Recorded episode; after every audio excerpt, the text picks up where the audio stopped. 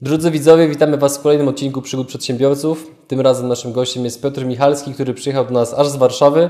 Piotr na co dzień działa w branży nieruchomości właśnie na terenie naszego stołecznego miasta i pamiętajcie o tym, że w trakcie wywiadu, jeżeli uznacie, że materiał wydaje Wam się przydatny, zostawcie łapkę w górę, a jeżeli chcecie, żeby być na bieżąco informowani o tym, że dodajemy nowe materiały, kliknijcie przycisk subskrybuj oraz dzwoneczek obok niego, żeby dostawać powiadomienia, a jeżeli macie jakieś pytania do Piotra, jakieś wątpliwości, bądź chcecie cokolwiek, z czymkolwiek się podzielić, zostawcie proszę komentarz. Tym bardziej, że będzie zagadka w tym materiale, którą będziecie mogli rozwiązać, a osoba, która będzie najbliżej poprawnego wyniku, wygra nagrodę ufundowaną przez Piotra. Przypominam również o tym, że opisie materiału znajduje się interaktywny spis treści, dzięki któremu bardzo szybko możecie dotrzeć do akurat interesującego Was fragmentu. Oprócz tego zapraszam Was do naszej grupy na Facebooku e, oraz do śledzenia naszych mediów społecznościowych, m.in. Instagrama, gdzie troszeczkę z zakulis pokazujemy, jak wygląda nasze codzienne funkcjonowanie. A dla tych, którzy nie do końca lubią wersję wideo, jeżeli chodzi o materiały, to jest również opcja podcastów i można nas znaleźć w aplikacji Apple Podcast oraz Google Podcast.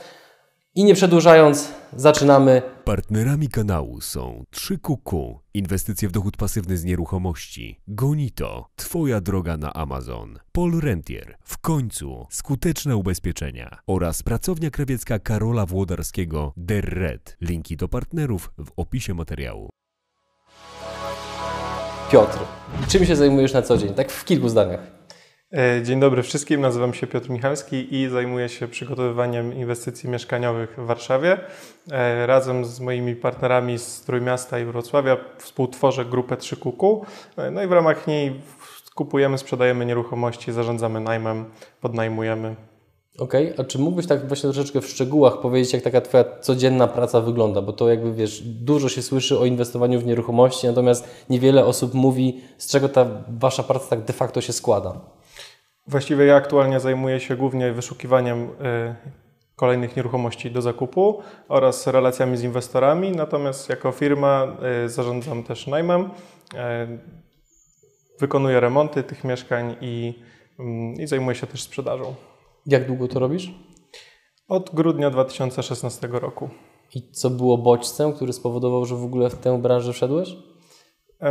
Mój kolega chciał mnie zatrudnić do robienia zarządzania najmem w jego firmie, e, ale po tygodniu mnie zwolnił, ponieważ interesowało mnie to, e, ile on zarabia, a nie jak zarządzać tym najmem, więc po prostu e, zaczęliśmy współpracować, szybko mnie zwolnił, potem trochę się zastanawiałem jeszcze, czy to zacząć samemu, czy nie, no i zacząłem i, i zacząłem od podnajmu mieszkań w jaki sposób rosła skala działań? Bo powiedziałeś, że zacząłeś od podnajmu, no i teraz jak to chronologicznie właśnie wszystko wyglądało do dnia dzisiejszego? Okej, okay, więc właściwie ym, najpierw zacząłem się zajmować podnajmem, podnająłem kilka mieszkań. One pozwalały mi się już utrzymywać y, na bieżąco i nie korzystać z pieniędzy rodziców. Tutaj pytanie, przepraszam, że przerwę. W jaki sposób podnająłeś mieszkania, mając zerowe doświadczenie, a tym samym prawdopodobnie niewielką wiarygodność w oczach ludzi, od których te mieszkania brałeś? Właściwie całe know-how miałem od mojego kolegi, który chciał mnie zatrudnić, więc już wiedziałem, jak się to robi.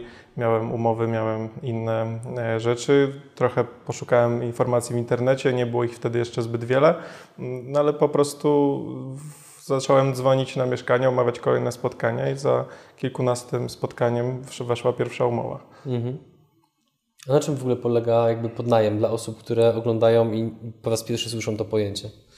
Taki klasyczny podnajem polegał na tym, że wynajmowałem od właściciela mieszkanie za przykład za kwotę 3000 zł miesięcznie, wykonywałem tam adaptację, e, remont, dokupowałem meble, dzieliłem duży pokój ścianką działową i wynajmowałem na pojedyncze pokoje mm, za więcej niż 3000. To na przykład było około 4, czyli 1000 zł miesięcznie przy pełnym obłożeniu zostawał mi na koncie i na tym polega właściwie klasyczny podnajem, czyli bierzemy od właściciela, który chce wynająć mieszkanie, takie mieszkanie, podpisujemy umowę na kilka lat, a w ramach tego mamy prawo podnajmować, czyli wynajmować pojedyncze pokoje dalej. To dla sceptyka, który jest jednocześnie prawdopodobnie laikiem i myśli sobie, po co ktoś miałby mieć interes w tym, żeby oddawać Tobie mieszkanie, to po co? Czy jakby dlaczego ludzie oddają to, to, to, to, mieszkanie? Oczywiście jakby ja sobie zdaję sprawę z odpowiedzi, no bo współpracujemy już od jakiegoś czasu, natomiast wiem, jakie wśród ludzi budzi wątpliwości ten model działania. Mm, po prostu rozwiązujemy im problem, bo dzięki temu, że dają nam mieszkanie, mają kogoś, kto o nie dba, mają co miesiąc czynsz na koncie, nie zastanawiają się, czy najemca zapłaci, czy nie. E, my też mamy na tym biznes, oni raczej powinni rozumieć, że my też na tym zarabiamy, że to ma się obu stronom opłacać. E, no i nie muszą właściwie się niczym zajmować oprócz księgowaniem przelewów przychodzących, bo wszystkie usterki, problemy z najemcami, z płatnościami ja jako operator biorę na siebie. Co było najtrudniejsze tym jakby całym Twoim dotychczasowym działaniu zawodowym, jeżeli chodzi o nieruchomości? Właściwie najtrudniejszy był ten początek, no bo bez żadnej wiedzy trzeba było odbijać się od kolejnych osób i mieszkań e, bez sukcesu.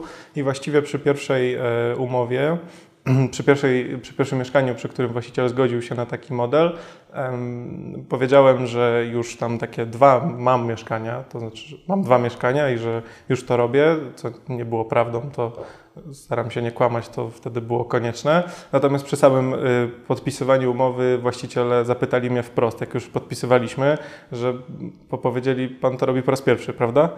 Ja wtedy powiedziałem tak, ale tak balonik pękł i jakby poszliśmy dalej, a to są osoby, które prowadzą dość duży biznes, więc wydaje mi się, że chyba z jakiejś takiej sympatii e, zgodzili się to zrobić, ale teraz są zadowoleni, także chyba... A co spowodowało, że jednak przyznałeś się do tego, żeby właśnie powiedzieć prawdę? No nie bałeś się, że mogą się nagle wycofać, albo że wiesz, no, podrą umowę, cokolwiek, że będą próbowali się wycofać? Nie, bo pani, która powiedziała, że ja to robię po raz pierwszy, powiedziała to z takim przekonaniem, że już wiedziałem, że ona wie z mhm. jakiegoś powodu, więc już przyznałem się i, i tyle. A przy kolejnych nie musiałem kłamać. Okej, okay, więc masz to pierwszą, tą pierwszą nieruchomość po tych kilkunastu pierwszych spotkaniach i jak to szło dalej? Potem była druga, trzecia i czwarta, mniej więcej co miesiąc i właściwie mógłbym to robić pewnie w nieskończoność, gdyby nie to, że skończyły mi się pieniądze na adaptację i remonty. Nie miałem ich zbyt dużo, to były jakieś tam oszczędności. Na drugie mieszkanie już pożyczyłem od rodziców, a potem nie za bardzo mi ktoś chciał pożyczać, więc y, szukałem sposobu, co zrobić, żeby e, móc dokładać te kolejne mieszkania do portfela, jednocześnie nie inwestując środków, których nie miałem. Więc wybrałem właściwie najprostszą drogę do zarabiania pieniędzy w nieruchomościach jedynie poprzez angażowanie swojego czasu, czyli zostałem pośrednikiem nieruchomości, dołączyłem do jednego biura e, sprzedaży w Warszawie i tam zacząłem sprzedawać nieruchomości jako pośrednik, więc po prostu pracowałem jako pośrednik. Nadal jesteś pośrednikiem, czy to był tylko jakiś epizod? E, to był epizod, przez kilka miesięcy byłem pośrednikiem, więc e, podsumowując, miałem już kilka tysięcy miesięcznie e, zarządzania tymi mieszkaniami. Zacząłem pracować jako pośrednik, tam sprzedałem kilka nieruchomości. Jednak praca nie do końca mi odpowiadała, bo zadawałem się głównie z osobami, które nieruchomościami zajmują się przypadkowo, czyli przypadkowa sprzedaż, kupno, tak jak to wygląda w Polsce, czyli przeciętny Kowalski raz kupuje w życiu mieszkanie, raz sprzedaje. Nie są to klienci inwestycyjni powracający, więc nie pracuje się tak czysto biznesowo, a raczej okazjonalnie. Więc właściwie po tym, jak byłem pośrednikiem, y, dalej, równolegle dalej rozwijałem y, biznes podnajmu, czyli dokładania kolejnych mieszkań do portfela. Y, I jeszcze będąc pośrednikiem, kupiłem pierwsze mieszkanie, z którego przygotowałem gotowca inwestycyjnego. Mm, właściwie kupili to mieszkanie moi rodzice, bo ja nie miałem nawet zdolności kredytowej, więc pożyczyłem od nich wkład własny. E, użyczyłem jakby zdolności kredytowej, no mieszkanie było kupione na nich. E, pierwotne założenie było takie, żeby to mieszkanie po prostu wynajmować na pokoje i spłacać i mieć co miesiąc e, około 2000 zł pomiędzy, różnicą pomiędzy ratą kredytu a wpływami od najmu. Ale jeśli e, znalazłem klienta, który po prostu zapłacił nam za to mieszkanie kwotę, która się opłacało sprzedać, więc zrealizowałem sprzedaż tego mieszkania z dość dużym zyskiem, jednocześnie zostawiając sobie obsługę, czyli nie zarabiam już 2000 zł miesięcznie, e, tak jak przy kredycie, tylko to jest powiedzmy teraz około 1200 z takiego mieszkania, mm, ale sprzedałem z dużym zyskiem, więc, więc to była właściwie moja, moja taka pierwsza duża własna inwestycja. Co to jest gotowiec inwestycyjny? Gotowiec inwestycyjny to jest takie mieszkanie przygotowane na wynajem. E, akurat w tym wypadku to było mieszkanie na pokoje, czyli sytuacja, w której e, na dużym mieszkaniu wydzielamy większą liczbę pokoi po to, żeby podnieść wpływy z najmu. E, a dla kupującego inwestora gotowiec to jest, jak sama nazwa wskazuje, gotowy produkt, czyli ktoś przychodzi na mieszkanie, które jest świeżo wyremontowane, umeblowane, Są już w nim najemcy, którzy płacą i kupuje jakby comiesięczny przepływ pieniędzy. No, jakby jest to oparte o nieruchomość, jest to inwestycja w nieruchomości, natomiast tak naprawdę e, inwestor kupuje cashflow. Jego głównie interesuje to, ile co miesiąc ta, ta nieruchomość generuje. E, więc po pierwszym gotowcu e, pojechałem na kilka spotkań szkoleniowych e, i różnych wydarzeń networkingowych. Tam udało mi się pozyskać kilku inwestorów, dzięki którym już nie musiałem robić manewru z użyczeniem zdolności od rodziców, tylko po prostu brałem ich gotówkę i za to kupowaliśmy nieruchomości albo na inwestorów, albo na mnie i sprzedawaliśmy dalej. Tak to poszło. Co powodowało, że ci inwestorzy ci ufali, widząc Cię tak naprawdę po raz pierwszy, gdzie no oczywiście kupujecie nieruchomość i tak dalej, ale to jest jednak aktywo o bardzo dużej wartości. To nie jest pożyczka na poziomie 5000 zł, tylko znacznie, znacznie więcej. Więc co ich przekonywało do Ciebie? Ciężko mi powiedzieć. Chyba po prostu to, że czuli, że, że nie kłamie, że chce z nimi zrobić uczciwy biznes. E, przy tych pierwszych e, próbach to było tak, że nieruchomość była kupowana na inwestora, czyli jeśli ja szukałem e, mieszkania, które jest kupione poniżej ceny rynkowej, to właściwie inwestor ryzykuje mało, bo jeśli kupuje mieszkanie, które powinno kosztować 400 tysięcy, powiedzmy za 350, mm, no to już na starcie jest 50 tysięcy złotych do przodu. To jest kwestia tego, czy dogadamy się przy remoncie, czy wszystko będzie ok i czy potem to mieszkanie sprzedamy z zyskiem. Natomiast jego ryzyko, jeśli kupujemy to na, na, na inwestora i on ma akt własności jest zdecydowanie pomniejszone. Mm, równolegle z tworzeniem tych gotowców inwestycyjnych cały czas powiększałem y, portfel mieszkań, którymi zarządzam. E, więc coraz więcej najemców ich przybywało, coraz więcej najemców przybywało do portfela, z tego względu, że każde mieszkanie już było wynajmowane i dalej zostawiamy, y, zostawiamy je sobie w obsłudze. E, czyli inwestor po prostu przychodzi, kupuje, e, natomiast czynsz najmu otrzymuje od naszej firmy.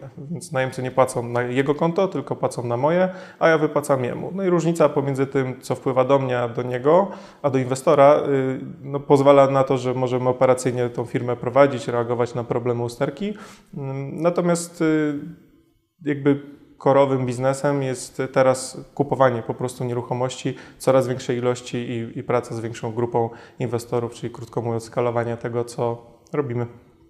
Czyli w tej chwili już działacie jako grupa 3QQ, tak?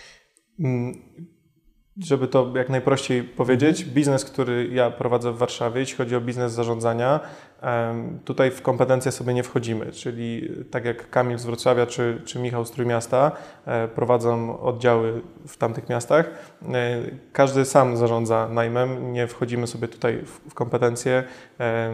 Każdy sam księguje wszystkie umowy, płatności, robi to wszystko, co jest związane z zarządzaniem najmem, więc e, to są jakby oddzielne działki. Nasza współpraca polega na tym, że po prostu przekazujemy sobie inwestorów, przekazujemy sobie klientów, podchodzimy wspólnie do zakupów grupowych, więc dzięki temu, że no, jest nas więcej, y, mamy więcej możliwości finansowych, to jesteśmy w stanie realizować też e, zakupy w w dużych miastach równolegle na, na większej ilości, co nie byłoby możliwe, gdybym działał sam. Natomiast e, w Warszawie stricte y, zarządzaniem najmem i remontami e, zajmuję się razem ze wspólnikiem Norbertem, i zatrudniamy trzy osoby do tego. Czy jest to e, Paulina, która zajmuje się księgowością, e, Łukasz od spraw takich remontowych i technicznych i Piotr, który zajmuje się wynajmem pokoi, czy jest takim handlowcem, więc to jest, to jest drużyna, która działa w Warszawie, a jako grupa 3 kuku robimy każdy swoje w dobrze w dużym mieście, jednym z tych trzech, które wymieniłem. Proces dobierania wspólników dla wielu osób jest często procesem trudnym, jakby może być procesem skomplikowanym. Nie zawsze się to jakby kończy sukcesem. E, I teraz patrząc z perspektywy czasu, w jaki sposób Ty wspominasz Wasze poznanie? Co zadecydowało o tym, że zdecydowaliście się akurat działać w tej konfiguracji, zwłaszcza, że jak sam mówiłeś, uczestniczyłeś w różnych spotkaniach networkingowych, gdzie zakładam, że prawdopodobnie na każdym z nich było plus minus kilkadziesiąt osób, wszystkie zainteresowane branżą nieruchomości, więc dlaczego akurat wybrałeś właśnie E, chłopaków z Wrocławia i, i, i z Trójmiasta, żebyście działali razem? E, pierwszego poznałem Kamila z Wrocławia, e, potem, e, potem dopiero Michała. U Kamila uderzyło mnie to, jaką ma doświad- jakie ma doświadczenie, a jednocześnie jak skromną i życzliwą osobą jest, więc ja tak naprawdę stawiając pierwsze kroki, wtedy kiedy poznałem się z Kamilem, mogłem się już od niego dowiedzieć właściwie wszystkiego. Zawsze odbierał ode mnie telefon, odpowiadał na wszystko, co potrzebowałem, także mogłem się przy nim uczyć wielu rzeczy. Jednocześnie każdy, kto go pozna, powie, że jest osobą ekstremalnie skromną, e, nosi nisko głowę, mimo że dokonania, które ma e, w branży raz ze swoim wspólnikiem Michałem, e, no są imponujące. Niewiele jest tak dużych firm i, i osób o takim doświadczeniu. Michała poznałem trochę później, też na jednym ze spotkań networkingowych. Potem pojechaliśmy, po Poznaniu Michała, wyjechaliśmy razem do Szwecji na jeden e, wykład dla tamtejszej Polonii o nieruchomości, o inwestowaniu w Polsce, e, więc tam też mieliśmy się okazję lepiej poznać i zobaczyłem, że to jest super fajny gość. Zadzwoniłem do Kamila i powiedziałem, słuchaj Kamil, mamy trzeciego e, na Trójmiasto, już nie musimy dalej szukać, Michał jest, jest, jest kozak, a właściwie Kamil i Michał widzieli się wcześniej tylko raz, więc tak jakoś wyszło, że po prostu mieliśmy wspólne Y, jakieś wspólne wajby, takie, które nas do siebie zbliżały, e, więc nie musieliśmy się wiele razy spotkać, żeby czuć, że, że to może zadziałać. I to, to też istotne, jakby na co dzień operacyjnie nie potrzebujemy się jak tlenu siebie nawzajem, e, więc każdy jest skupiony na swoim działaniu mm, w swoim mieście. Natomiast wszystko to, co robimy i, i cała wartość dodana, która się tworzy, to jest coś ponadto.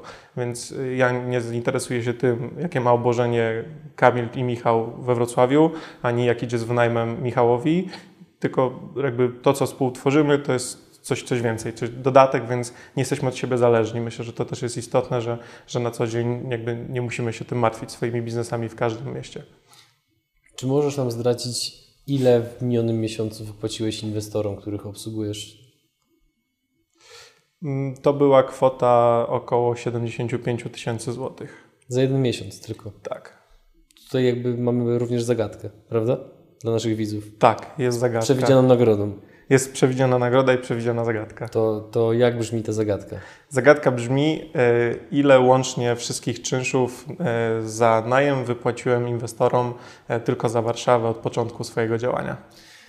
Odpowiedzi wpisujcie w komentarzu, a osoba, która będzie najbliżej poprawnej wartości, zostanie o tym poinformowana. Ogłosimy to również w komentarzach, e, a nagroda powędruje już tutaj z warszawskiego oddziału tak. 3 kuku prosto do tej osoby. Natomiast teraz wracając jeszcze do, do, już do samego wywiadu, czy inwestorom nie przeszkadzało bądź nie przeszkadza to, ile masz lat?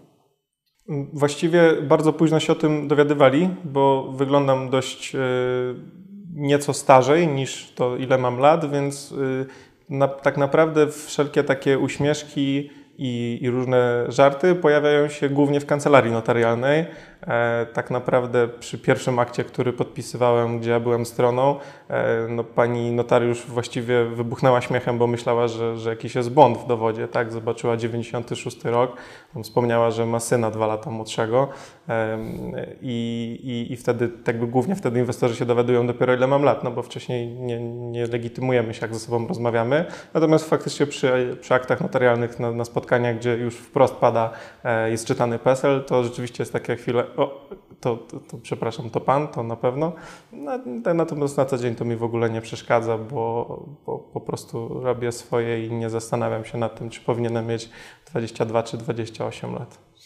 Nie masz wrażenia, że biorąc pod uwagę Twój wiek, jesteś troszeczkę anomalią wśród swoich rówieśników? Ponieważ pytam dlatego, bo jak sobie sam się cofnę w czasie do momentu, kiedy miałem 22 lata i nawet przypomnę to, co ja robiłem, co robili moi rówieśnicy, to podejrzewam, że w tamtym momencie, gdybym spotkał kogoś takiego jak ty, który robi to, co ty, to bym się zastanawiał, kurczę, to jest albo jakiś wałek, albo gość ma jakieś potężne zaplecze finansowe od rodziców, albo jakieś takie kolosalne wsparcie, no bo to jest jednak bardzo rzadkie, żeby ktoś w wieku 22 lat robił transakcje no, w takiej skali, no bo jednak zakładam, że jakby się pewnie spojrza, spojrzało na Twoje takie, e, na, na, na, na całość transakcji, które robisz w skali całego roku, no to to idzie w miliony złotych. Mm, faktycznie jest to sporo pieniędzy. No, miłe, że mówisz, że, że to dziwne że w tym wieku. Ja tak na co dzień tego nie odczuwam, bo właściwie ostatnie momenty, kiedy miałem do czynienia ze swoimi rówieśnikami, to było przed tym, jak przerwałem studia. Także do tego czasu jeszcze się spotykałem w ogóle z ludźmi y, na co dzień, y, regularnie z mojej grupy wiekowej. E, teraz mam oczywiście znajomych jeszcze w swoim wieku, natomiast na co dzień zadaję się i biznes robię wyłącznie z osobami, które są, jak tak ostatnio się zastanowiłem, średnio 10-12 lat starsze, bo większość osób e, w takiej sile biznesowej wieku, biznesowej Biznesowej sile wieku. W biznesowej sile wieku ma około 30-35 lat i właściwie ten warunek spełniają e, wszyscy moi wspólnicy i w Warszawie i, jakby chłopaki z Szykuku, e, nawet nasz filmowiec, moi pracownicy, wszyscy mają dokładnie między 30 a 35 lat, więc, więc są, no, są ode mnie sporo starsi. E, na co dzień się nad tym nie zastanawiam, po prostu faktycznie może to jest jakaś anomalia, może powinienem chodzić do szkoły, zdobywać dobre oceny i wykształcenie, żeby potem móc gdzieś pracować y, w uczciwej i pewnej pracy, ale moja droga potoczyła się inaczej, y, tak chciałem, żeby było. I... Wyczuwam teraz ironię, z czego ona wynika? No z tego, że moje podejście do systemu edukacji w Polsce y, jest raczej, no, nazwijmy neutralne, ale mam, mam, mam słabe doświadczenia. Studiowałem na dwóch, na dwóch uczelniach Studiowałem na dwóch państwowych uczelniach w Warszawie, nawet równolegle, dzienne kierunki. E, mój przyjaciel studiował na, na innych, moja dziewczyna e, na, na, na, jeszcze kolejnej, więc mam jakby zbiór informacji ze wszystkich takich najbardziej znanych uniwersytetów, SGH, UW, Politechnika i, i WUM. No i wszędzie to wygląda tak samo. E, jakby metody, procedury to jest tak bardzo przestarzałe i niepotrzebne. E, większość tych studiów można by zrealizować w ciągu roku, a nie w, nie w ciągu pięciu lat. No może wyjątkiem tutaj są studia medyczne. E, nie są to właściwie tak jakby to jest trochę tak, jakby wykładowcy i w ogóle cała oświata nie zauważyła, że powstał internet już paręnaście czy parędziesiąt lat temu.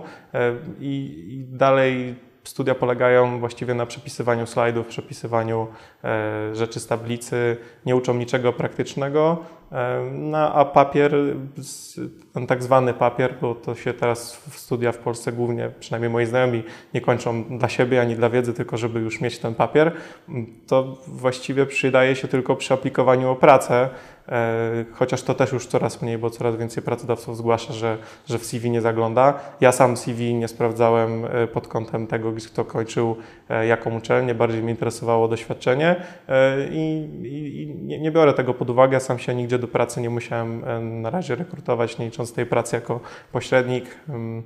Więc studia są w moim odczuciu bezużyteczne. Jak wyglądał moment, ta decyzja o tym, że rezygnujesz ze studiów? E, dla całej najbliższej e, rodziny i dla mojego otoczenia to było to był pomysł na urlop dziekański, więc powiedziałem, że idę na urlop, za rok wrócę i skończę, ale szczerze mówiąc w sercu cały czas miałem myśl, żeby za rok już nie zadawali mi pytań, dlaczego nie wracam, tylko żeby to doprowadzić do takiego momentu, w którym jestem całkowicie niezależny. Po prostu lubię to, co robię, to jest prawda, więc e, chciałem, żeby od za rok już, żeby się nie zastanawiać, czy wracać, czy nie, tylko że już jakby z góry chciałem podjąć decyzję, żeby nie wracać jednak. Czyli to był urlop dziekański, tak żeby wyciszyć pytania i, i to całe takie społeczne brzemię, które by na mnie spadło. No i, i tak to wyszło. A z czego wynikała ta, patrząc z perspektywy czasu, jak o tym opowiadasz, pewność, która e, była w tobie, że przez ten, ten rok to jest wystarczający odcinek czasu, że sobie tak poukładasz sprawy zawodowe, że faktycznie nie będzie potrzeby, żebyś na te studia wrócił? Mm, myślę, że z tego, że zauważyłem, jakby zmierzyłem, co udało się zrobić już równolegle studiując, więc przez e, pół roku, kiedy jednocześnie i studiowałem, i prowadziłem już działalność gospodarczą, e, udało się to rozwinąć do takiego stopnia, że, że wiedziałem, że jeśli teraz będę miał czas tylko na to przez kolejny rok, to musi się to udać i, i to po prostu tyle. No nie, nie przyjmowałem innej, innej opcji. Czy coś byś zrobił inaczej, patrząc z perspektywy czasu? Wiem, że tego czasu znowu trochę żartując nie upłynęło zbyt dużo. Tak. Natomiast no, y, żaden biznes, który się rozwija do jakiegoś poziomu, o którym można powiedzieć, że osiągnął mniejszy lub większy sukces, niezależnie od tego, jak bardzo to słowo jest wytarte w Polsce, musiały być po drodze jakieś błędy, jakieś potknięcia, jakieś, jakieś zawahania, no chyba, że wszystko naprawdę odbywało się w sterylnych warunkach, co nie do końca chce mi się wierzyć. E, nie wiem, nie mi oceniać, czy odniosłem sukces, czy nie. No faktycznie to, co sobie planuję, raczej się udaje jak do tej pory. Są jakieś przeszkody, potknięcia, ale to wszystko mniej więcej idzie. Mm, jeśli czegoś żałuję, no na pewno jakichś tam paru biznesowych decyzji to tak, natomiast jeśli chodzi o sam termin, kiedy zacząłem, to myślę, że mogłem jeszcze wcześniej, bo już od poznania pomysłu tak naprawdę, na czym polega podnajem, do tego, kiedy wystartowałem i tak jeszcze minęło ponad pół roku, więc to był tylko taki czas, w którym zastanawiałem się i wahałem i wynikało to z tego, że przejmowałem się opinią innych ludzi bardziej niż swoją własną, dlatego e, po prostu tego nie robiłem. Wtedy, kiedy sobie uświadomiłem, że tak naprawdę to jest moje życie, sam je mogę kształtować i że chcę to robić, ja zawsze chciałem prowadzić własną firmę, zawsze chciałem zajmować się biznesem, no to już nie, nie miałem więcej pytań do siebie, tylko musiałem zacząć działać. Z czego to wynikało, że zawsze chciałeś prowadzić swoją firmę, biorąc pod uwagę to, że żyjemy w kraju, gdzie jednak ta przedsiębiorczość jest wciąż bardzo młoda i jeżeli już dzieci czegoś chcą, to żeby zostać strażakiem, lekarzem czy kimś takim. Jakby no, przedsiębiorcą rzadko kto w ogóle chyba deklaruje, że chciałby być. Oczywiście to się teraz troszeczkę zmienia i ja teraz nie chcę za bardzo generalizować, natomiast chciałbym zrozumieć, Skąd to się wzięło u Ciebie? Właściwie to nie wiem skąd się to wzięło. Myślę, że już miałem tak od najmłodszych lat jakieś zapędy w tą stronę. Zawsze miałem swoje pieniądze, zawsze miałem jakby konto bankowe, tego uczyli mnie też rodzice. E, bardzo, bardzo byłem oszczędny od najmłodszych lat. Właściwie, może to śmiesznie zabrzmi, ale pieniądze z komunii, które składałem, ostatecznie wylądowały w pierwszym podnajętym mieszkaniu. Oczywiście tam coś musiałem dołożyć do tego, bo to nie wystarczyło. Więc miałem, zawsze tak jak grałem w gry komputerowe, to one były strategiczne. Jak, y, y, jak jakieś y, czytałem książki, potem już koniec liceum, początek studiów, to były ściśle o ekonomii. Tak jakbyś po prostu zawsze w tą stronę mi było bliżej i faktycznie jakieś pierwsze próby już miałem e, w liceum, a to organizacja imprezy sylwestrowej, e, właściwie dwóch. Jedna była non-profit, druga była for-profit e, byłem, udzielałem też jakichś tam korepetycji, nie wiem, teraz to może jakaś ktoś ze skarbówki y, czytać, więc oczywiście nie zarabiałem na, y, znaczy słuchać, nie zarabiałem na tych korepetycjach, ale wiem, ale mógłbym, więc wiem, że pewnie by działało, gdybym zarabiał. I jakieś takie przedsiębiorcze zapędy miałem, ale czułem, że po prostu praca taka w modelu nazwijmy to klasycznym, że idzie się do pracy codziennie do tego samego miejsca na kilka godzin e, w ciągu dnia, wychodzi, trzaska drzwiami, że to nie do końca to, no bo, mm, no bo jakieś te kompetencje, nazwijmy to zarządcze czy, e, czy, czy przedsiębiorcze, wydaje mi się, że miałem i, i po prostu zaryzykowałem, sprawdziłem, no i nie musiałem długo szukać, tak? Też podchodzę do tego w taki sposób, że gdyby to nie było to, gdyby coś się nie udało, no to pewnie bym szukał innych dróg, ale teraz się nie zastanawiam i nie rozważam, nie kalkuluję, no bo skoro to działa i jest ok, to, a ja jestem szczęśliwy z tego, co robię, to po prostu robię to dalej. Wracając jeszcze do tych trudnych momentów, Jaki był najtrudniejszy dotychczas, nie licząc tego, że się przejmowałeś opinią innych ludzi? Bo zakładam, że no, patrząc z perspektywy czasu, to się teraz wydaje taką rzeczą bardzo, bardzo malutką, ale czy był taki moment, w którym się naprawdę pomyliłeś, albo że ktoś cię oszukał, że stało się coś takiego naprawdę trudnego, co cię chwilowo trochę podłamało? Myślę, że moją, moim problemem i jakby faktycznie to, że nie miałem takiej sytuacji i że nie dostałem przysłowiowo dużego liścia, nie spadłem z rowerka, e, tylko że cały czas na nim jadę, to też może być jakiś problem, bo e, to moje doświadczenie, jakby jeśli chodzi o ilość transakcji, już jakieś jest, e, natomiast czasowo jest krótkie, e, więc myślę, że z perspektywy osób, które prowadzą swoje firmy dłużej, może to wyglądać tak, że po prostu no, jeszcze nie miałem takiej sytuacji, czyli, czyli dlatego tak bez, bezpretensjonalnie idę do przodu. I, ale faktycznie jakoś nie przypominam sobie większych takich błąd, który bardzo długo popełniałem, a zdałem sobie z niego trochę sprawę może za późno, jest to, że, e, że nie powinienem robić wszystkiego sam, że właściwie wszystko, co mogę, powinienem oddawać innym ludziom. I to był ten, ten przeskok pomiędzy pracowaniem samemu na własny rachunek, a zatrudnianiem osób e, kolejnych. Więc y, pierwszy pracownik, którego zatrudniłem, to właściwie ja nie do końca wiedziałem, czego od tej osoby oczekuję. Ona też, jak widać, dość szybko pogubiła, więc rozstaliśmy się e, po kilku miesiącach. Natomiast potem, po tym doświadczeniu, zacząłem trochę myśleć o firmie e, jako, jako działy w tej firmie e, i wykreśliłem sobie właściwie ten problem teraz dopiero rozwiązuję. Nie mam kompetencji takich świetnych, jeśli chodzi o budowanie struktur, bo nigdy nie budowałem innej firmy, ani też nie współtworzyłem, e, nie pracowałem na etacie jako na przykład menedżer, ale teraz to wyglądało tak, że w momencie, w którym sobie zdałem sprawę, że w ciągu tygodnia robię około 40-50 różnych czynności, grup czynności, wypisałem je wszystkie na kartce i zaznaczyłem 4-5, którymi muszę się zajmować ja lub chcę. I to było właśnie, to są rzeczy związane z zakupami, sprzedażami mieszkań, czy z takimi głównymi strategicznymi decyzjami. Natomiast wszystko to, co ponadto, właściwie można zdelegować. I ten ostatni e, mój rok działalności polegał na tym, że znajdowałem konkretne osoby, które mogły się tymi rzeczami zajmować i po kolei wszystkie rzeczy oddawałem od e, usterek, od remontów. E, jeszcze jakiś czas temu jeździłem do Castoramy i robiłem zamówienia. Teraz już tego na szczęście nie muszę robić. Po prostu pokazałem, jak to można robić i robi to ktoś dużo lepiej ode mnie, bo się w tym specjalizuje. Więc taki problem, błąd, który zrobiłem, to to, że za długo jeszcze wciąż działałem sam, no ale wynikało to z tego, że jakby nie generowałem jeszcze ogromnych zysków, więc e, nie mając co miesiąc kilkudziesięciu tysięcy do dyspozycji na, na pracowników, no to trochę chciałem przeoszczędzić, tylko to wynikało tak, że już pracowałem 14-16 godzin dziennie i ta oszczędność się przełożyła na to, że już się zapracowywałem, więc teraz E, zrobiłem dwa kroki wstecz, bo dotrudniłem ludzi, no ale dzięki temu będę w stanie tą skalę zwiększyć przynajmniej kilkukrotnie. W jaki sposób się poszukuje, bądź co jest najtrudniejsze w znalezieniu pracownika, kiedy mamy tak zwany rynek pracownika? Też to odczuwasz, czy nie? Nie robiłem wielu rekrutacji.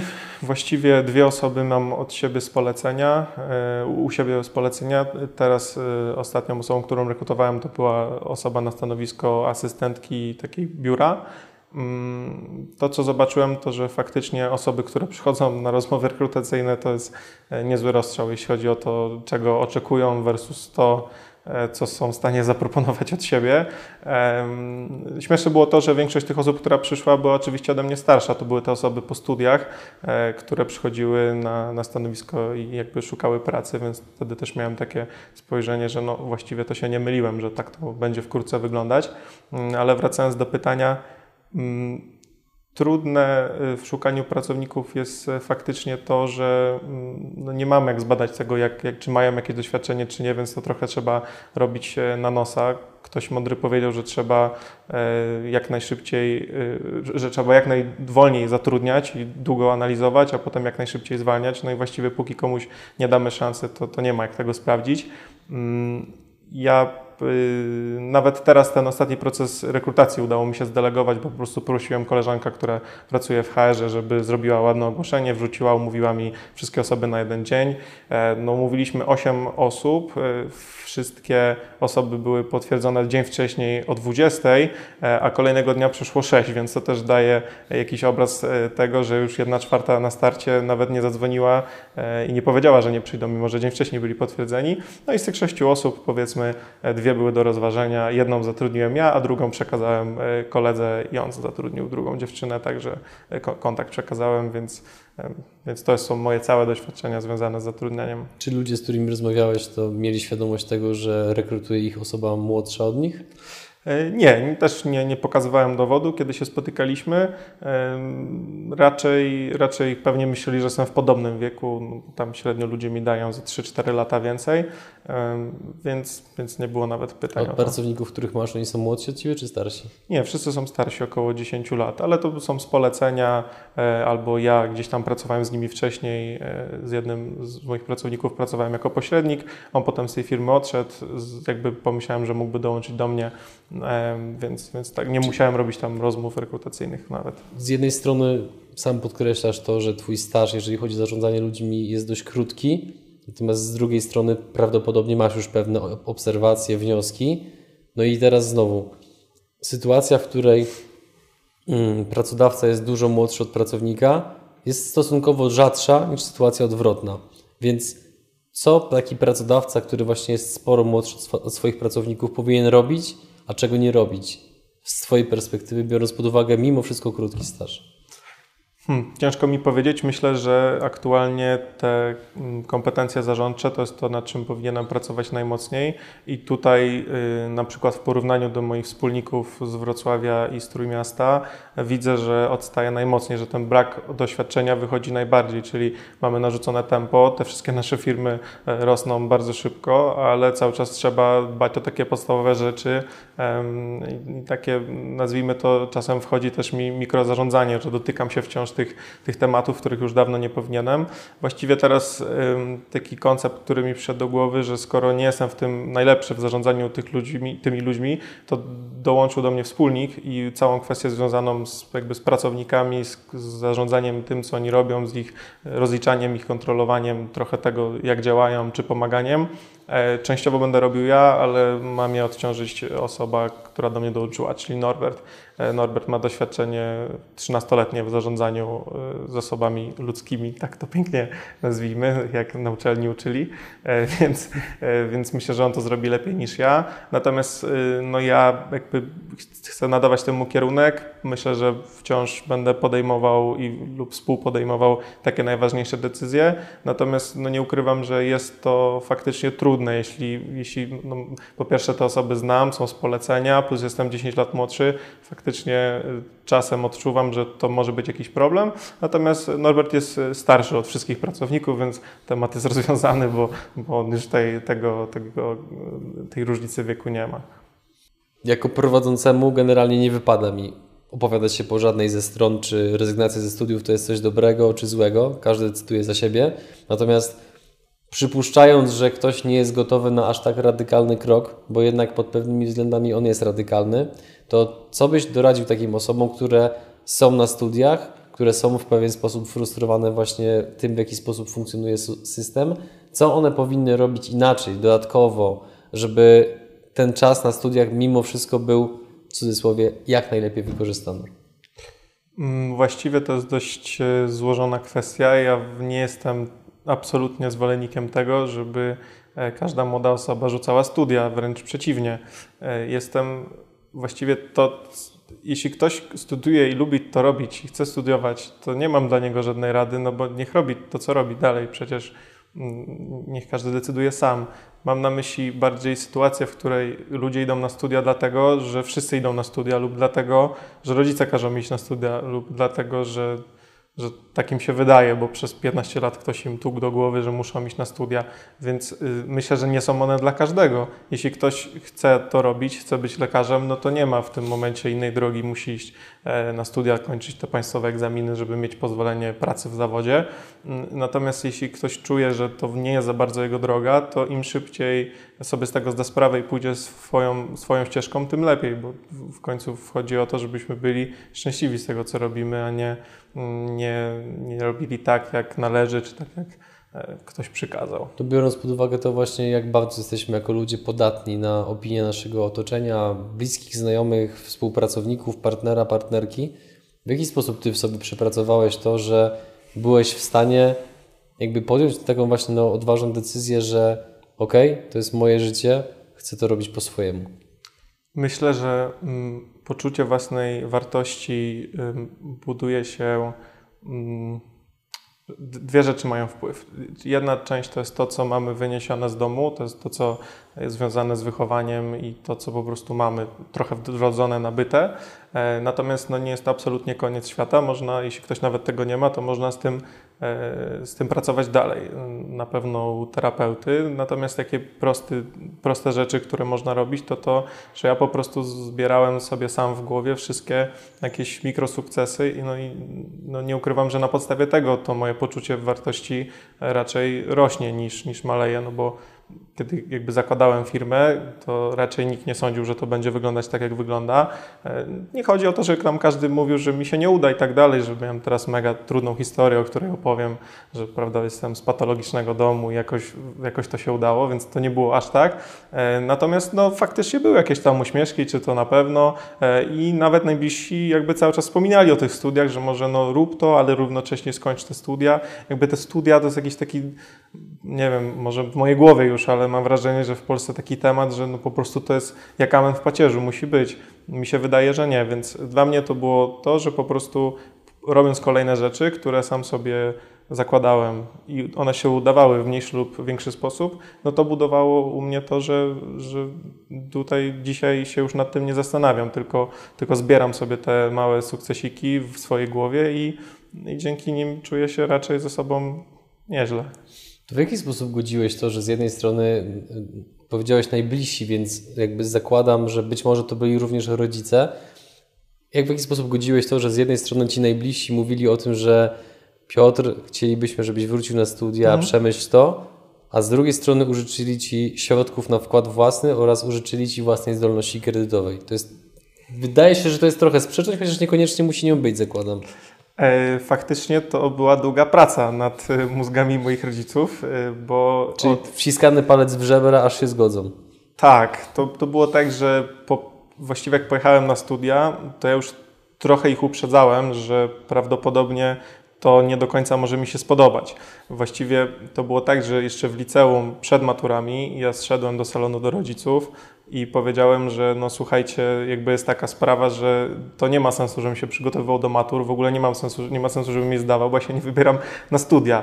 A dlaczego? No dlatego, że nie wybieram się do pracy, bo będę ludzi tylko zatrudniał, a nie, y, a nie się aplikował o pracę. No to jest prawdziwa historia, brzmi trochę śmiesznie i niedorzecznie z tej perspektywy. To, co dobrego moi rodzice zrobili, to to, że wtedy stumili to w zarodku i jednak doprowadzili do tego, żebym y, na chwilę o tym zapomniał i przynajmniej skończył maturę wtedy mi powiedzieli, nie mogę, że... Nie, nie mogę nie zapytać, jak wyglądała ich reakcja. E, no, zdębieli po prostu, mieli całe białe twarze. E, ale powiedzieli, że dobra, to umówmy się tak, że wybierz sobie to, z czego się będziesz tam uczył, przygotowywał, zrób to, e, wybierz jakąś tam jedną uczelnię, idź, a potem jakby już nie będziemy w to ingerować. To była taka trochę umowa, że, że idę na studia i to jest to, co mam zrobić i że o to jakby proszą, bo też słusznie zauważyli, że faktycznie no, wyjazd do Warszawy z mniejszego miasta trochę mi otworzył perspektywy, no bo to, co myślałem, że będzie, myślałem na podstawie tego, co przeczytałem w internecie, a potem pojechałem i to sprawdziłem, więc też nie mam ani do siebie, ani do nich żalu, że tak się wydarzyło, e, bo po prostu większość tych rzeczy się potwierdziło, ale też moje spektrum myślenia się bardzo rozszerzyło po, po wyjeździe do, do, do większego miasta, spotkaniu większej ilości ludzi. Myślisz, że ta pewność siebie i poczucie wartości, którą e, zaszczepili Ci w Twoim rodzinnym domu, ułatwiła Ci to przejście właśnie z takiej, no, nikogo nie chcąc obrazić, mentalności trochę jednak małego miasteczka versus stolica, która no, jest największym miastem w Polsce? Znaczy to wiesz, nie jest tak, że teraz jak wracam z Warszawy do Bełchatowa, no to po prostu cały na biało i patrz się teraz z tym warszawiakiem, tak się żyje. Czerwony dywan, gołębie, szampan. Nie, tego, tego nie ma. E, myślę, że poczucie własnej wartości to jest coś e, kluczowego, to co w ogóle możemy wynieść z domu. Właściwie takie, nie wiem, czy jest coś, co jest bardziej ważne niż to przy, przy chyba wychowaniu. Przynajmniej ja widzę e, trochę po sobie i po też innych osobach mi bliskich czy, czy znajomych, że właściwie każdy, kto ma to na przynajmniej dostatecznym poziomie, mam na myśli poczucie własnej wartości, taką, takie poczucie, że ok, nie jestem beznadziejny, Mm, że, że, jestem fajnym gościem, fajną, fajną dziewczyną. Każdy, kto to ma, jest, idzie mu się przez przeżycie dużo łatwiej. Każdy, komu tego na pierwszy rzut oka bardzo brakuje, prędzej czy później wydaje mi się, że czeka go jakaś poważna rozmowa z samym sobą i po prostu praca nad tym. E, to, to po prostu mam wrażenie, że, że ta, ta cecha jest jednak kluczowa. No, mi, mi w jakiś sposób zaszczepiła ją mama. Myślę, że ona najbardziej nie byłem zawsze super pewny siebie. Właściwie w podstawówce, e, jak zmieniłem podstawówkę z trzeciej do czwartej klasy, szedłem podstawówki, zmieniłem szkołę. E, I tam byłem wtedy trochę pulchniejszy, więc tam nawet byłem, e, byłem obiektem jakichś szyder, drwinek. Myślę, że to się trochę u mnie uspokoiło. Pewne rzeczy przeszły mi tak przez gimnazjum, liceum, jakieś okresy buntu i tak dalej, mm, ale do, docelowo udało się mi samemu przepracować na tyle, że nie jestem, nie noszę bardzo wysoko głowy w chmurach, to znaczy nie jestem jakiś nie mam przerośniętego ego, tak mi się wydaje, choć wiele osób może twierdzić inaczej. Natomiast no, pozwoliło mi to myśleć o sobie w połączeniu z jakimiś tam kolejnymi sukcesami, które odnosiłem, że, że jakby jestem kowalem swojego losu, że mogę sam działać, sam wybierać i myślę, że to, to jest ważne. Oglądają nas ludzie, którzy albo już mają dzieci, albo będą się wkrótce ich spodziewali i takim razie właśnie nie z perspektywy dorosłego, który, znaczy no, oczywiście jesteś dorosły, ale tutaj mam na myśli Twoich rodziców, tak? Taki żal śmiesznie. E, natomiast chciałbym spojrzeć na tą kwestię pewności siebie, którą poruszyłeś, z którą ja się też zgadzam, bo widzę ile jaką ona daje przewagę w wielu różnych sytuacjach, gdzie po prostu ta, ta, ta wiara w siebie pozwoli, pozwala przetrzymać trudny okres, pozwala znieść nieprzyjemne słowa, okoliczności, których się nie spodziewaliśmy, a z drugiej strony osoba, która tej pewności siebie nie ma, no to bardzo łatwo właśnie wywiesza białą flagę i na zasadzie poddaje się dość, nie mogę tego znieść i tak dalej. Więc teraz spójrzmy na tą pewność siebie nie oczami e, e, rodzica, który mówi innemu przyszłemu rodzicowi, hej, słuchaj, rób tak i tak, żeby tam twój syn czy córka byli pewni, pewni siebie, tylko spójrzmy na to z perspektywy dziecka, jakim jesteś dla swoich rodziców. Co ty pamiętasz z działań swoich rodziców, które uważasz, że najbardziej budowały w tobie tą pewność siebie? Trudne pytanie, bo praktycznej wiedzy w wychowywaniu dzieci nie posiadam na ten moment. Nie wiem, jakbym to robił dokładnie dzisiaj, tu i teraz. Po prostu widzę u siebie i u moich znajomych, że ta cecha jakby jest jakaś taka kluczowa, jeśli chodzi o tą pewność siebie. Więc myślę, że wszystkie działania zmierzające do tego, żeby tą pewność siebie dziecko miało, zdobywało i wyniosło z domu i żeby to było jak najsilniejsze. Wydaje mi się, że to polega trochę na tym, żeby rodzice nie mierzyli dziecka jakby swoją miarą, nie zastanawiali się też oni, co myślą o nich inni rodzice, czy co myśli y, babcia, dziadek o tym, jak oni wychowują, tylko chyba obserwowali właściwie rozwój tego dziecka, to co ono lubi robić i jeśli zauważą, że to jest na przykład na naczynność, niech to będzie, że nie wiem, dziewczynka sobie tańczy i ona chce tańczyć, to jeśli widziałbym, że to sprawia najwięcej przyjemności mojemu dziecku, to chyba postawiłbym na to i po prostu dał jej możliwie, jak na swoje możliwości, jak najlepsze warunki do robienia tego, czyli e, pozwolił dziecku robić to, co ono chce. Wiadomo, że no, też to jest dopiero na pewnym etapie, bo pewnie 3, 4, 5-letnie dziecko nie wie jeszcze, z czego będzie żyć i, i tak dalej, jakby co, co chce w życiu robić, ale y, tak czy owak zmuszanie, czy jakby y, pije do tego, że jeśli rodzice odbierają to w taki sposób, że powi, po, powinni coś robić, że dziecko powinno chodzić na angielski, powinno chodzić na, na, nie wiem, na lekcję śpiewu i tak dalej, a dla dziecka to nie jest nic takiego super, to powinni to zaprzepaścić. Właściwie niech, niech dziecko robi na pewnym etapie, jeśli już widać, że to jest to, że ma do czegoś bakcyla, niech robi to. Wzmacniałbym po prostu te mocne strony. Y, no ale tak jak mówię, nie mam, nie mam doświadczenia praktycznego, więc nie wiem, jak to zrobię. Po prostu empirycznie zobaczyłem, że to, co u mnie jest lub to, u czego innych nie ma, lub to też, też u innych jest, to jakby ta cecha, pewność siebie i poczucie własnej wartości. Może bardziej tak, bo pewność siebie czasem jest w Polsce tak dziwnie e, oceniana. Nie uważam, że to jest negatywna cecha. E, pewność siebie to nie znaczy, że ktoś jest, e, dla mnie to nie znaczy, że ktoś jest taki butny i zadufany, tylko to znaczy, że ktoś wie, co robi, co mówi i wie, że, że tak chce. Natomiast no, już to poczucie własnej wartości jest takim trochę może lepszym, lepszym obrazem. Niestety nie jesteśmy tego w stanie statystycznie sprawdzić, ale e, mówiąc kolokwialnie, idę o zakład, że patrząc na finanse, które są wciąż tematem tabu w Polsce, chciałbym, żebyśmy przyczyniali się do zmiany tego. Prawdopodobnie zarabiasz ponadprzeciętnie w stosunku do swoich rówieśników. Prawdopodobnie tak. Prawdopodobnie tak, no właśnie. Jeżeli przyjmijmy, że jest to bardzo prawdopodobne, to teraz pojawia się pytanie, e, czy ta, ta, ta właśnie oszczędność, którą, której jakby wychowywali cię rodzice, czy ona w pewien sposób uchroniła cię przed tym, że mówiąc znowu kolokwialnie, nie odbiła ci sodówka, kiedy pojawiły się te większe pieniądze? No bo jednak nie, nikomu nie ujmując, nie wykonujesz jakiejś nisko płatnej pracy, gdzie ciężko jest potem wydać kilka tysięcy złotych w weekend, tylko no wykonujesz jednak pracę, która pozwala ci na dostęp do bardzo dużych kwot które jednocześnie różnie działają na różne osoby.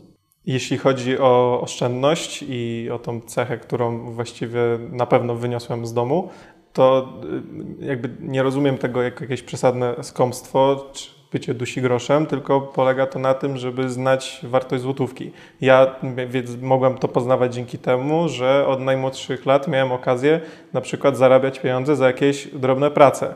E, I też jeśli chciałem coś sobie kupić, na przykład zabawkę, to też wydawałem pieniądze ze swoich własnych i to było na, na mega, mega wczesnym etapie. Pamiętam taką sytuację, że byłem e, z rodzicami na jakimś wyjeździe i podobała mi się taka zabawka ze Spidermana, która strzela żetonami, jak się założy.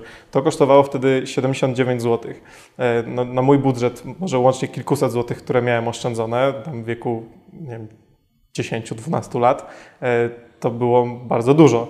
I rodzice mi wtedy powiedzieli przed tym sklepem, że oczywiście mogę sobie to kupić, nie ma żadnego problemu, możemy jeszcze spędzić w tym sklepie trochę czasu, ale ze swoich pieniędzy. I ja mówię, tak, to super, nie ma sprawy, to jest jakby zabawka, którą ja chcę mieć, więc, więc sobie ją kupię. I oni wtedy mi powiedzieli, że zastanów się tylko, czy nie będzie tak, że ją kupisz, to się pobawisz dwa razy i odłożysz, już się nie będziesz nią nigdy więcej bawił. Ja powiedziałem, że nie, no ale jakby myślałem tylko krótkoterminowo, żeby tą zabawkę mieć. Faktycznie ją kupiłem i faktycznie bawiłem się nią dwa razy. Potem ją odwróciłem i pamiętam, że później kilka razy na nią spojrzałem i nie widziałem tam zabawki, tylko widziałem te osiem dych przepalone, które już bezpowrotnie straciły na jakąś chwilę zabawy. E, więc jakby uczyłem się, rodzice mnie uczyli wprost, powiem, y, takiej gospodarności i wartości każdej złotówki, bo e, zarobić nie jest łatwo, wydać dużo bardziej, więc jak to mamy, no to też trochę potem przekłada się to na biznesowe decyzje, bo, e, no bo właściwie prowadzenie biznesu no to jest zarządzanie przychodami i kosztami. Te przychody możemy zwiększać, one są w pewnym momencie na jakimś określonym poziomie, e, więc musimy pilnować też tych kosztów i ja tak naprawdę na początkowym e, etapie działalności, kiedy już miałem kilkudziesięciu najemców, zarabiałem ponad pięciocyfrowo e, miesięcznie, e, mieszkałem w pokoju z kolegą na pół, czyli płaciłem 350 zł za pokój, zarabiając już ponad dychę. Mm, I nie wstydzę się tego i nie uważam, że to jest jakby bycie skąpcem. Uważam, że na tamten okres to było właściwe. Potem już przestałem tak y, ściśle zwracać uwagę na koszty, na to, czy zapłacę za lunch 15 czy 25 zł. Dzisiaj to już nie ma takiego znaczenia, bardziej się, że to z kim jestem na tym lunchu. Myślę trochę innymi kategoriami, ale na samym początku, kiedy nie miałem kasy w ogóle, to gdyby nie to, jak byłem wychowany, to, to myślę, że mogłoby być to trudniejsze. Widzisz, ty wspominasz to, że wydałeś 79 zł na zabawkę, która potem wylądowała na półce, a ja pozostając w tematyce Spidermana pamiętam to, że była zabawka, która właśnie również reagowała na jakiś tam spust, tylko że ona strzelała czymś na, na zasadzie pajęczyny. Ja tego sobie nie kupiłem, rodzice mi tego nie kupili, do dzisiaj tego żałuję, nie? Okay. Więc widzisz, no jakby to wszystko się może różnie potoczyć, natomiast właśnie jeszcze wracając na chwilę do Twojego biznesu, kim są Twoi inwestorzy i skąd w ogóle ich bierzesz? Oprócz spotkań networkingowych, o których wspominałeś. Zakładam, że to nie jest jedyne źródło. Pierwsi byli stamtąd, a potem to troszkę się potoczyło dalej, no bo każdy z osób, które nazwijmy to z inwestorów, dysponujących majątkiem między kilkaset tysięcy a kilka milionów, ma też często swoich przyjaciół i kolegów, którzy dysponują podobnym majątkiem. Y, więc y, są to głównie przedsiębiorcy albo specjaliści zarabiający ogromne kwoty co miesiąc i raczej mają też znajomych, którzy prawdopodobnie też tyle zarabiają, więc jakoś pocztą pantoflową się to roznosi, więc rozmawiałem y, też po drodze z pośrednikami, czasem jakiś pośrednik przyprowadził e, mi klienta, natomiast no, pierwsi byli na, na, tych spotkaniach i to był jakby taki milowy krok, bo nagle zobaczyłem, że okej, okay, no, z, z, rodzicami nie jestem w stanie tego skalować. Poza tym po pierwszym takim, e, takim procesie też już nie chciałem jakby im tego fundować na zasadzie brania kredytów i tak dalej. Bardzo długo ten pierwszy proces zakupowy trwał, więc jak już miałem, pozyskałem inwestora, który właściwie można powiedzieć na ładne oczy pożyczył mi, mi na konto y, prawie milion złotych, za co ja mogłem kupować i obracać dwoma mieszkaniami. Jak, no się, na, jak się na ładne oczy pożycza taką kwotę? No zapraszam na szkolenie, to tam, tam Ci opowiem. Których nie robisz. Których nie robię, których nie robię. Y, właściwie nie, nie wiem, jak mam Ci odpowiedzieć. No po prostu z kimś rozmawiałem i powiedziałem, że kupimy mieszkanie za tyle, wyremontujemy za tyle, sprzedamy za tyle, a z kim się podzielimy. No i ktoś mi, mi, mi uwierzył, Co było że tak zabezpieczenie będzie. transakcji? Łatne oczy? Yy, No tutaj nawet nie było właścicielstwo inwestora, no bo po prostu y, mieszkanie kupiliśmy na mnie. Więc można powiedzieć, że było to jakiś tam weksel in blanco podpisany, y, tylko że dalej mm, Czyli trochę gwarantem była Twoja reputacja. no, właściwie nic nie było gwarantem, no bo ja nic wtedy na siebie nie miałem, więc oprócz tych pieniędzy prawie na samym początku, no to nie miałem już jakiegoś ogromnego majątku, żadnych innych nieruchomości w tamtym momencie, więc ktoś ryzykował sporo, ale po prostu y, po, po tych pierwszych transakcjach, gdzie nieruchomości były kupione na tą osobę, y, zobaczył, że po prostu można mi ufać. Może inaczej, to, żeby też sprostować, to nie było tak, że ja przyszedłem, z kim się poznałem, ktoś mi wyłożył taką kasę, tylko zrobiliśmy parę tematów e, najpierw w inny sposób, że nieruchomość była kupiona dla tej osoby i zobaczyła, jak to działa, już się trochę znaliśmy i wtedy jakby poszliśmy krok dalej, tak żeby to było, żeby to uprościć, żeby już nie kupować na inwestora, tylko na mnie, bo to było łatwiejsze z organizacji. To pozostając cały czas w temacie mm, tego, że ludzie właśnie inwestują w różne rzeczy, powiedz mi tak Twoja prywatna opinia. Pomimo tego, że jest, żyjemy w erze informacji, dostępu do wszystkiego, jakim cudem ludzie wciąż nabierają się na piramidy finansowe?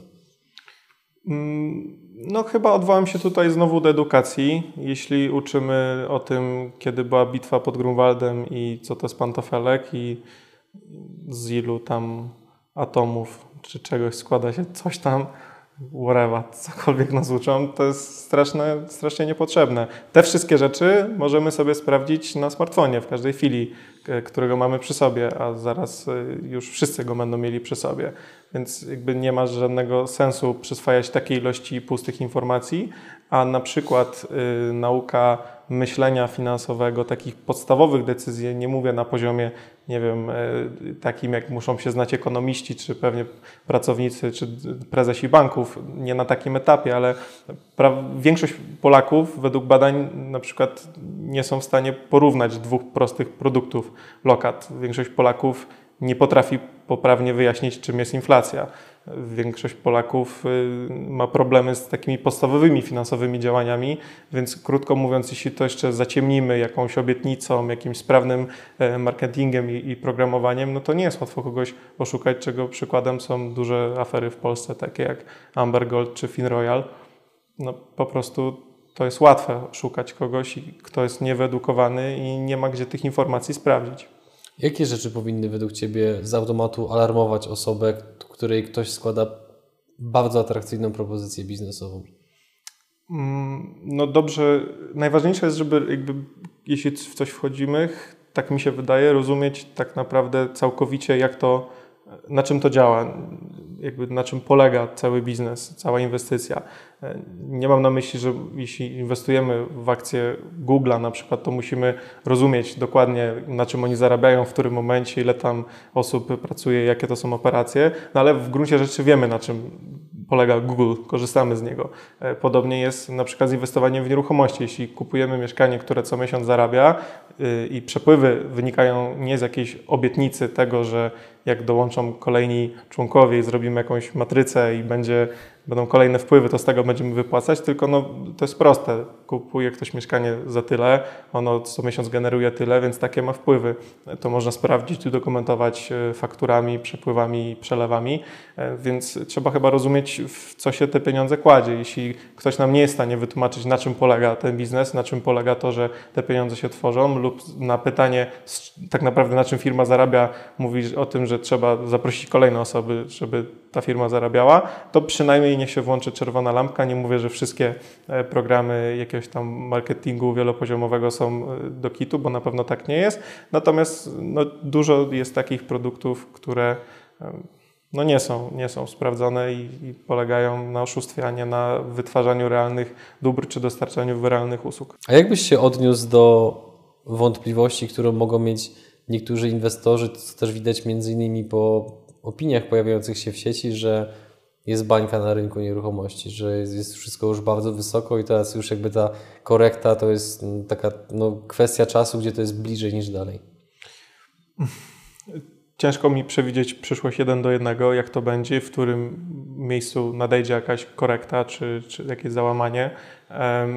Sam też ten rynek śledzę dopiero od kilku lat, tak regularnie, intensywnie i właściwie w Polsce skupiam się na Warszawie, więc tam jestem w stanie powiedzieć przez ostatnie kilka lat, jakie mieszkanie, w jakich dzielnicach, ile kosztowało, jak to się zmienia. E, natomiast no jest to perspektywa pewnie zbyt krótka do zauważenia jakichś cykli koniunkturalnych i tak dalej. E, dwie istotne informacje, na których ja opieram teraz swoje działania, bo nie przestaję kupować mieszkań i, i uważam, że to jest cały czas dobry moment, e, są takie, że e, z ostatniej, ze szczytu ostatniej górki, tam powiedzmy na przełomie 2007-2008 roku, do Teraz możemy powiedzieć, że ceny na przykład w Warszawie metra kwadratowego są na tym samym poziomie nominalnie. I faktycznie nominalnie to jest prawda, czyli jeśli wtedy średnio kosztowały 8 tysięcy za metr, no to teraz powiedzmy też.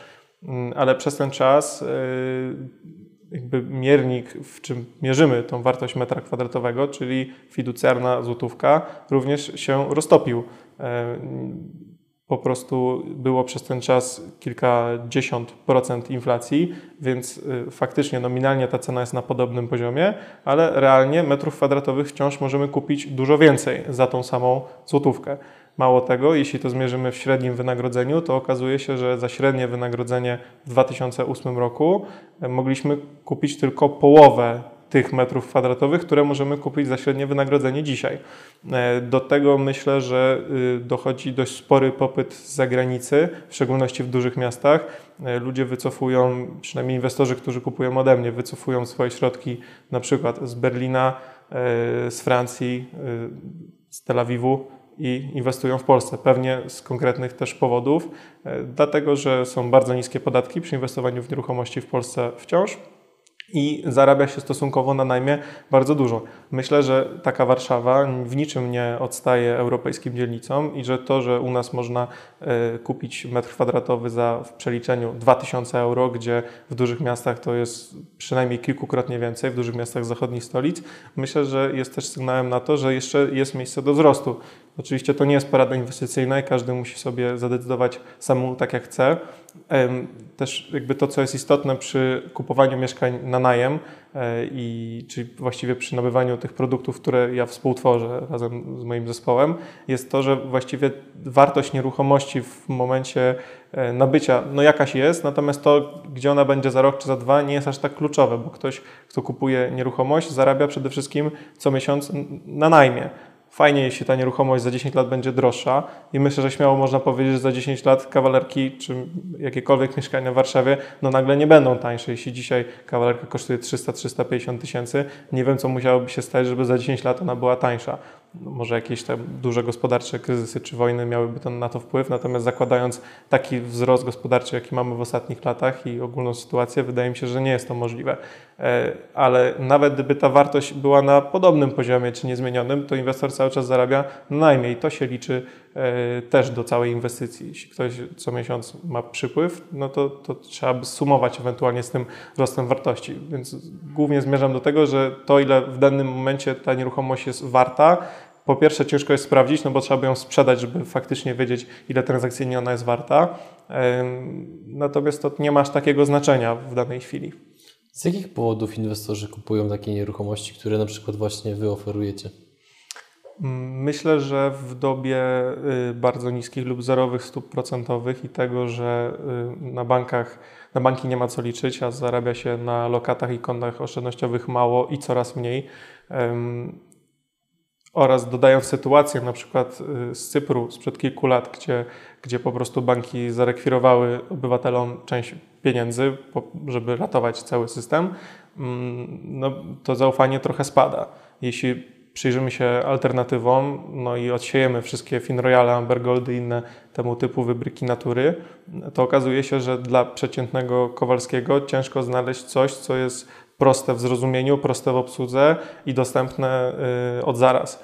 Mm, no, w porównaniu do lokaty, jeśli na lokacie załóżmy średnio zarabiamy niech będzie 1,5%, niech będzie 2% w skali roku, po odliczeniu podatku belki to już zostaje 1,6%, no to do nieruchomości, które generują na samym najmie 4, 5, 6% wartości e, netto po obsłudze już operatora zewnętrznego, dodając do tego ewentualny wzrost wartości, który prawdopodobnie jednak na przestrzeni lat wydarzy się, no okazuje się, że jakby dysproporcja jest dość duża, a właściwie można powiedzieć, że mm, produkt, który oferujemy jako gotowiec inwestycyjny, czyli sytuacja, w której ktoś kupuje zarabiające mieszkanie i co miesiąc inkasuje wpływ z najmu, no nie różni się wiele od lokaty bankowej. Tam też ktoś wpłaca jakąś kwotę i co miesiąc ma odsetki. Różni się tym, że lokata jest na przykład na rok, więc po roku te pieniądze w całości zwracają. Tutaj, żeby, znaczy są zwrócone w całości, tutaj, żeby wróciły, trzeba by tą nieruchomość po prostu sprzedać. Natomiast jeśli ktoś ma nadwyżki finansowe i, i tak nie ma z tymi pieniędzmi co zrobić, a nie chce ich trzymać na koncie, no to jeśli kupi za nie nieruchomość, to myślę, że statystycznie za kilkadziesiąt lat ona na pewno nie będzie warta mniej, a to, co zarobi na najmie jest jego. Zbliżając się do końca wywiadu, bo wiadomo, że w internecie nic nie ginie, to zróbmy pewną predykcję. Gdzie będziesz za 5 lat? Wrócisz do tego materiału po jakimś czasie i zobaczysz, czy się sprawdziło, czy nie doszacowałeś, czy może przeszacowałeś. Jeśli ktoś spodziewa się odpowiedzi w stylu na wyspach, na Bahamach i że będzie super, będę latał prywatnym odrzutowcem i miał y, wysokiej klasy samochód, to myślę, że to tak właśnie nie będzie wyglądać. Ja spodziewam się, że będę dalej prowadził biznes, bo na razie mi się to nie znudziło, nie robię tego dużo, a jest to jedna z rzeczy, którą lubię robić najbardziej, więc tak naprawdę ja w jakiś sposób tym żyję. Gdybym miał tego nie robić, to to byłby dla mnie duży problem. E, oczywiście ważny jest jakiś tam balans i odpoczywanie, ale robienie biznesu i, i rozwijanie tego to jest moje hobby, to jest moja pasja. Tego nie do końca traktuję jak pracę. Więc myślę, że będę to dalej robił. Ciężko mi powiedzieć jeden do jednego, gdzie będę za 5 lat. Właściwie y, gdybym miał określić nawet taki horyzont dwuletni, to miałbym problem. Myślę, że mm, zespół w Warszawie będzie dużo większy. Myślę, że jeśli wszystko dobrze pójdzie, to cała grupa 3 kuku również będzie w innych miastach, nie tylko we Wrocławiu, Trójmieście i Warszawie. No i myślę, że po prostu skala naszych działań urośnie do, do dużo większych rozmiarów. Będziemy kupować nie mieszkania, nie pakiety mieszkań, tylko całe bloki lub budynki. E, no i tego bym sobie życzył i sobie swoim wspólnikom, a e, to tak czysto biznesowo, bo jeśli chodzi o, o jakieś sprawy prywatne, to zostawię dla siebie, a jeśli chodzi o jakby mnie w tym wszystkim, no to chciałbym podejmować decyzje takie naprawdę istotne, żeby wszystko fajnie działało, żeby była dobra kultura pracy, żeby każdy czuł się doceniony i żeby każdy wiedział, że to, co robi, jest istotne dla, dla całości. Więc myślę, że do tego jest jeszcze potrzebnych kilka dobrych decyzji odnośnie tego, z kim działam i z kim pracuję. Jeśli one się udadzą, to, to myślę, że to jest istotne, to jest najbardziej istotne, z kim to wszystko robimy, bo samemu byłoby nudno, a poza tym by się nie dało. To ja Ci w takim razie życzę, że jeżeli spotka Cię sodówka, to żeby ona trwała jak najkrócej i żeby zostawiła jak najmniejsze zniszczenia. Natomiast myślę, że masz na tyle życzliwe otoczenie wokół siebie, że nawet jeżeli coś by się stało, to zwrócą mi uwagę. Na, na momencie pewno. założą Ci lejce i tam po prostu pociągną hola hola, jakby no biegniesz tak w kierunku klifu, więc, więc, więc lepiej zawróć. A, tymczasem dziękuję Ci za poświęcony czas, za bardzo szczerą rozmowę e, i trzymam kciuki, żeby te wszystkie rzeczy, które tutaj właśnie e, przewidujesz, że, że się staną, żeby się po prostu zmaterializowały. No, bardzo Ci dziękuję. I dziękuję również wszystkim oglądającym. E, zachęcam do komentowania i subskrybowania kanału Przygody Przedsiębiorców.